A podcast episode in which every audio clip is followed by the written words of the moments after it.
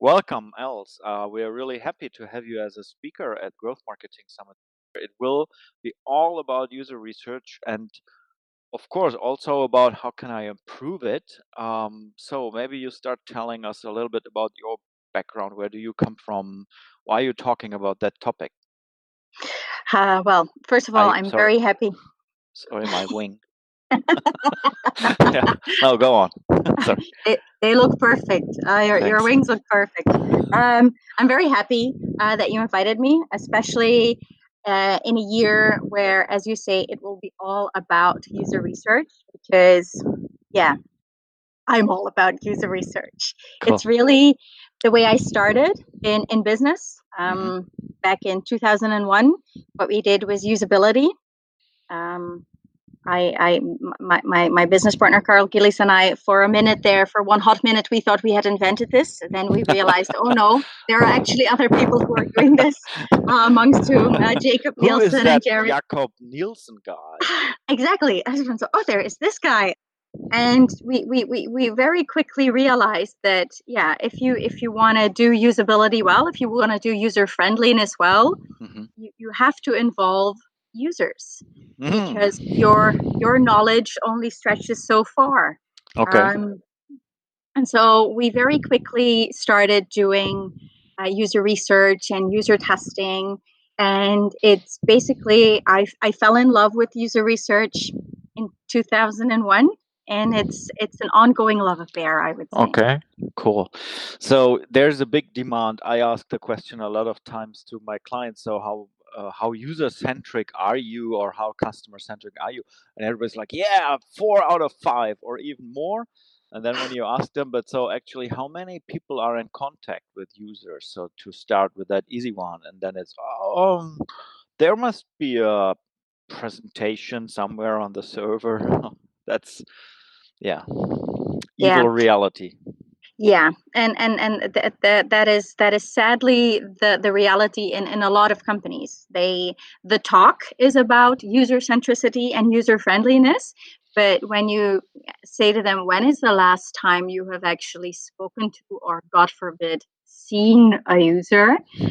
Um, yeah that's that that's far and few in between. Um, and also mm-hmm. very often the departments who do come into contact with users like the call center uh, the the customer service department, they are mm. not considered very important. Mm. Um, or they're like the necessary evil. You know, these are the people who have to talk to the nasty customers. Okay. Uh, when really they are just there's a wealth of information there. Spending time with your uh, customer service department spending time with users is always time well spent, no mm. matter what your job is in the company, no matter how high up you are.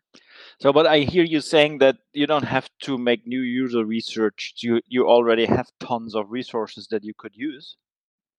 Well, very often you already have a lot of information in your company. Absolutely, like people, um, you know, they know that you have Google Analytics or Adobe Analytics if you have a chat feature, have chat logs. Mm-hmm. That is actual input, that is words from users that you can that you can go through. That is research that has actually already been done for you. Uh, mm-hmm. well, so to speak, you have the raw data there. Now you can go research it.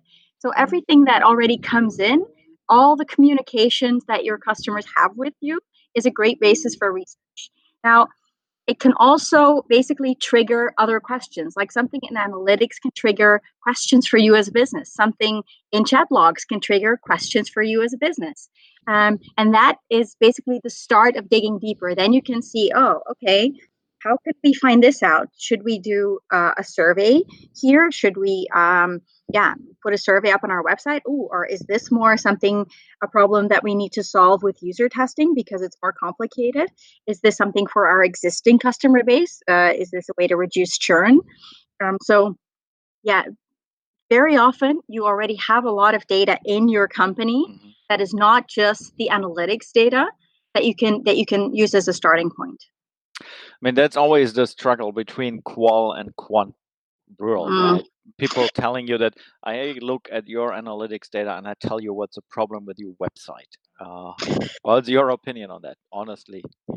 Um, well, I, I, I, I think analytics can tell you a lot. and it is it is it, it I don't like qualitative people who look down on quantitative people. Uh, I, I don't have the feeling there's very very many of those, and I don't like quantitative people who look down on qualitative people Mm. because Mm. the thing with with quantitative research versus qualitative research is I I always say both of them are very hard, Mhm. but quantitative is the only one that looks hard Mhm. because quantitative research as soon as you say ah i'm learning python Mhm. um, i'm i'm learning r uh, i'm i'm doing things in jupyter machine go, learning. "Ah." You do Excuse me? machine learning. Machine look- learning yeah Look, I can. You know, today is Halloween. I have to explain my outfit. I can do that. Ah, Yeah. Machine learning. I can do it that way. the perfect moment to do this also ai ai Yeah. get Yeah. the light on Oh no, for AI, I have different different Oh. wings, bigger bigger wings for AI. Sorry, they are perfect they are perfect Yeah. it's good, uh, but yeah, they as I fit on the said- screen. So um, everybody watching this, um, Andre will go trick or treating after, and Yeah. my my estimate is he will get tons of candy. um, but yeah, uh, um, AI. uh, if you talk about that, people are impressed, Mhm, um, because that sounds hard, and it is hard. mhm. If you say we're going to interview five or ten users, people just go easy. Mhm. Easy. Pick up the phone, you talk to people, yada yada yada. What's hard about that? Mm. Well, Uh, do you do you think that's one of the reasons why uh, real user testing is kind of commoditized in the last ten years? So it's a it's a twenty buck thing online, isn't it? That's that easy. Yeah, but, but the thing is, that is not. That is user testing. And actually, I think that kind of user testing, the unmoderated user testing, it has a value hmm and it is completely different. From moderated user testing. But but people don't know that. They're not aware. Yeah, I, I, I I do I do really try my best, Andre, to spread this message far and wide. okay. Uh, you know this. Um, to me, it's like comparing focus groups to in-person moderated user Ah, testing. They are not the same thing. I have this focus group spider. I, I I put it on my shoulder so I can watch the rest of the conversation here. okay, as, so now if you if if do you have something for personas as well? Because if you do, I Wait. w- th- then I will be extremely impressed. no, unfortunately, I, I'm that's all my reservoir for today. okay. No, Mm. it's true. A, a lot of people don't realize that they know the difference between analytics Mhm. and and user testing, but basically there's there's a within user testing there's a wide variety of methodologies that you can use to find out different things. Wow.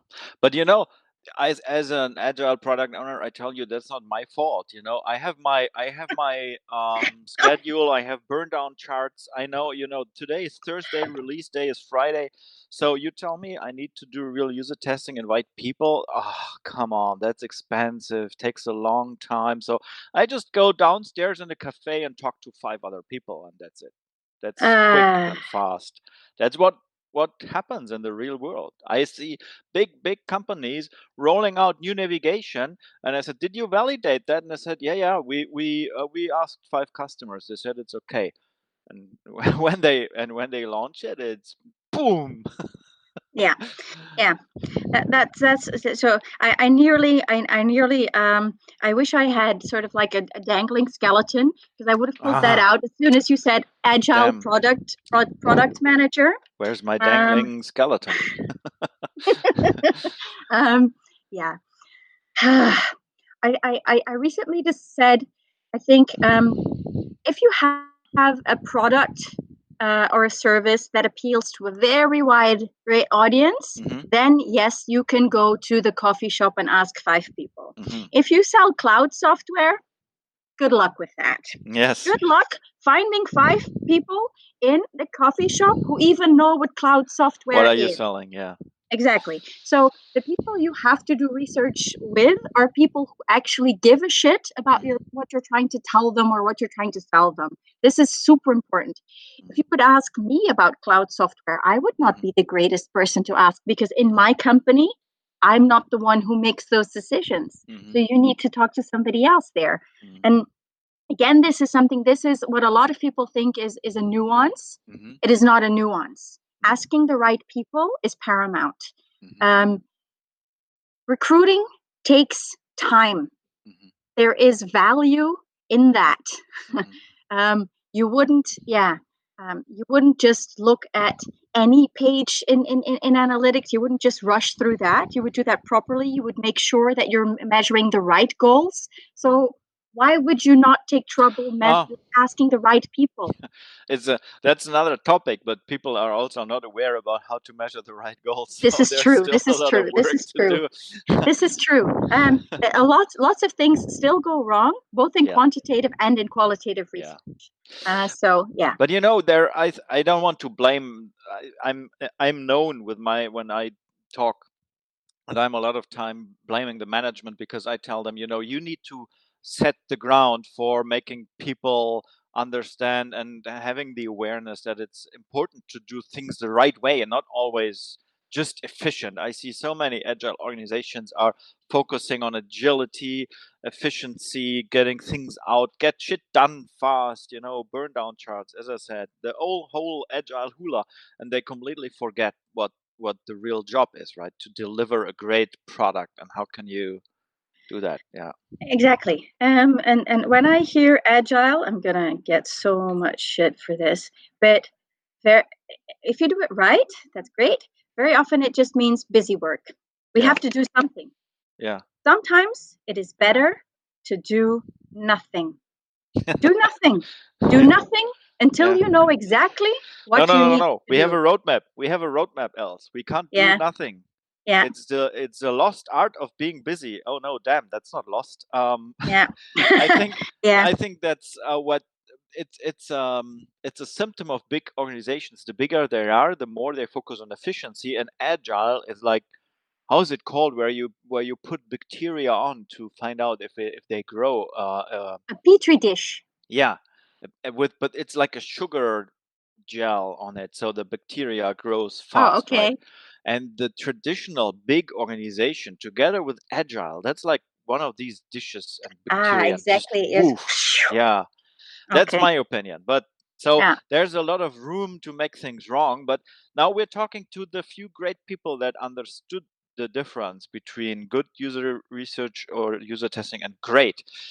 So what? But what are the symptoms? How do they realize that maybe things are going wrong?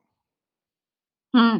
Well, um, I would say first of all, if you do research and everything you thought would happen is confirmed, that's a bit of a red flag for you right there, um, okay. because because that might mean that you have actually imposed your bias Mm, on your test participants, or you have set up your survey, or done your interviews, or or your user testing in such a way that basically you have slightly strong armed people into telling you what you wanted to hear. You, you, Um, li- you like my wings, don't you? Yeah. That was a completely unbiased question, right? exactly. No, Um, you no honestly, you honestly like them. No kidding. Yeah. Now you're like them. Yeah. And and yeah, and and and the thing is when when, when I say that, people think like, ah, but but but really, big companies don't ask questions like that. Seriously, last it's the big co- co- companies who, who absolutely do, and it's lots Yeah. of companies who do. And Yeah. the, the thing is, it's it's it's a very easy mistake to make if you are not Yeah. very conscious of it. So number one, being conscious of your own bias is a very important one, and it is Yeah. not it is not a given. So, So, we're it is- talking about confirmation bias here, right? So to all the Absolutely. listeners, Google confirmation bias and learn. Yes. yeah very much so um, it's it's something that also michael aagaard uh, uh, has uh, spoken a lot about and, and has written about as well um, yeah it's a very dangerous thing Dangerous. Wait, dangerous. Confirmation bias. Yeah. Good. Sorry. i'm saying all the right words The that's problem is w- w- when this video is going on air and the blog post, It will be me. Halloween will be over for weeks. This People will be sitting excellent. on Easter with their pina colada on the beach in Mexico and asking themselves, "What? Why does he have that stupid wings?" Oh, that's okay. I'll I'll put on my sunglasses in a minute, and then and then then then it'll be like sunny weather ready. Um. So yeah, no confirmation bias is is is, is a is a very a, dangerous thing. That's how you know you're doing uh, well. Uh, if the results get back and, and it's what you it's, it's what you thought all along, mm-hmm. everything, then it's you're doing it wrong. Um. The thing is, you. It's like with if you don't know what you don't know, you don't know you're doing it wrong. Mm-hmm. So you also need to educate yourself about research. We also, like you, um, you mentioned earlier, and a lot of people are not measuring the right things in analytics. But if you don't know what you should be measuring, you, you also out. you will never find out. But that's um, why people should come to Growth Marketing Summit and learn. What? That is an amazing idea, Andre. Yeah. Did you just did that just pop up into your head? How much will it cost? I don't know. no, it's true though. Um, yeah. yeah, this is a very important thing. You have to increase your knowledge about these things, and the knowledge about these methodologies ideally uh, grow in every layer of your company. Now, um, yeah, I'm, yeah, I'm I'm always super happy to talk about this, and I'm always super happy when our clients say, "Oh, Els, could you could you come and give this presentation for our management as well? Because they really need to hear this." And I'm like, "Yes, of course. This is this this is it. Please, yeah, most important. Give me things. the floor there. Absolutely. Yeah, I agree. So, um, maybe last question. So most of the people are not user researchers by themselves, right? The, the people that come to our conference. So um, I think it's even harder um, to tell other people, colleagues in your organization, oh, you don't know what you don't know. But I saw uh, this really clever talk uh, from Els, and you have to do this and that. I, I guess most user researchers will sit there and say, who? no, you're kidding me? No, I do my job correctly. So, what, what what's your um, tip so we can enable people for better user research that they don't do by themselves?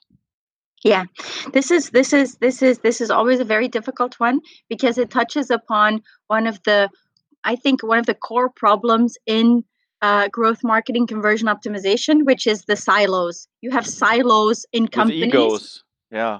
And basically working together is hard working together is hard i think you have to always show respect for somebody else's expertise and mm-hmm. you i think a good way is to just initiate a conversation mm-hmm. if you're not the user researcher in your company maybe try and set up uh, a meeting or have lunch with the person who is and say like yeah. i saw this talk i thought it was really interesting I'd like to talk more with you about it. Yeah. And then maybe you can share your learnings from the conference. They yeah. can share their approaches and always better. get talking yeah. much better than to just say, I saw yeah. this, we should be doing that.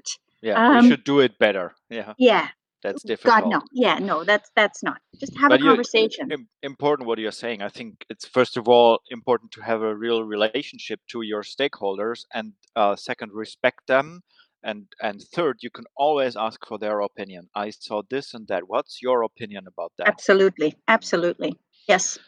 Cool. That that's a really helpful uh, tip. Thank you very much, Els. You're very very welcome.